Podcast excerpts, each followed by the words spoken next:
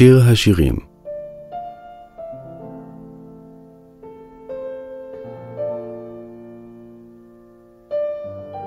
לפני שנספר על היצירה העומדת מאחורי ההדפסים הללו, ראוי שנקדיש דקה להעריך את הרכות, העדינות והאור היוצאים מהן.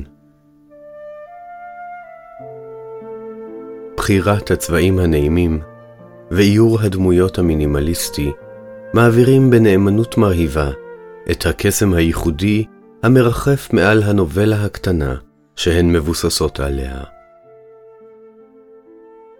שיר השירים הינו עוף מוזר בקורפוס הסיפורים של שלום הלחם.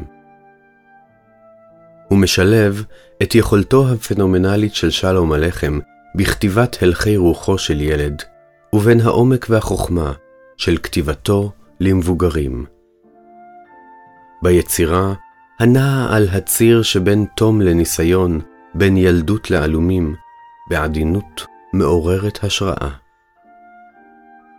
במרכזו של הסיפור ניצבת אהבתם התמה של ילדים. בה אנו מצליחים להיאחז למרות רוחות הזמן הדוחקות בהם קדימה. אבל במקום לספר לכם על עלילת הסיפור, שחלקיה ודמויותיה מופיעים באיורים המיניאטוריים המקיפים כל הדפס, נציע טעימה קטנה מהסיפור, את סופו, ברשותכם.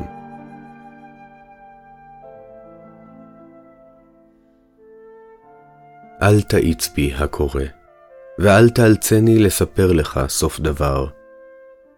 סופו של דבר, אפילו טוב הוא מאוד, אינו אלא צליל נוגה, וכנגד זה תחילתו נעימה תמיד. ולפיכך נקל לי ונעים לי יותר לספר לך עוד פעם את הסיפור הזה מתחילתו. להתחיל שוב מבראשית, ועוד פעם בלשון זו.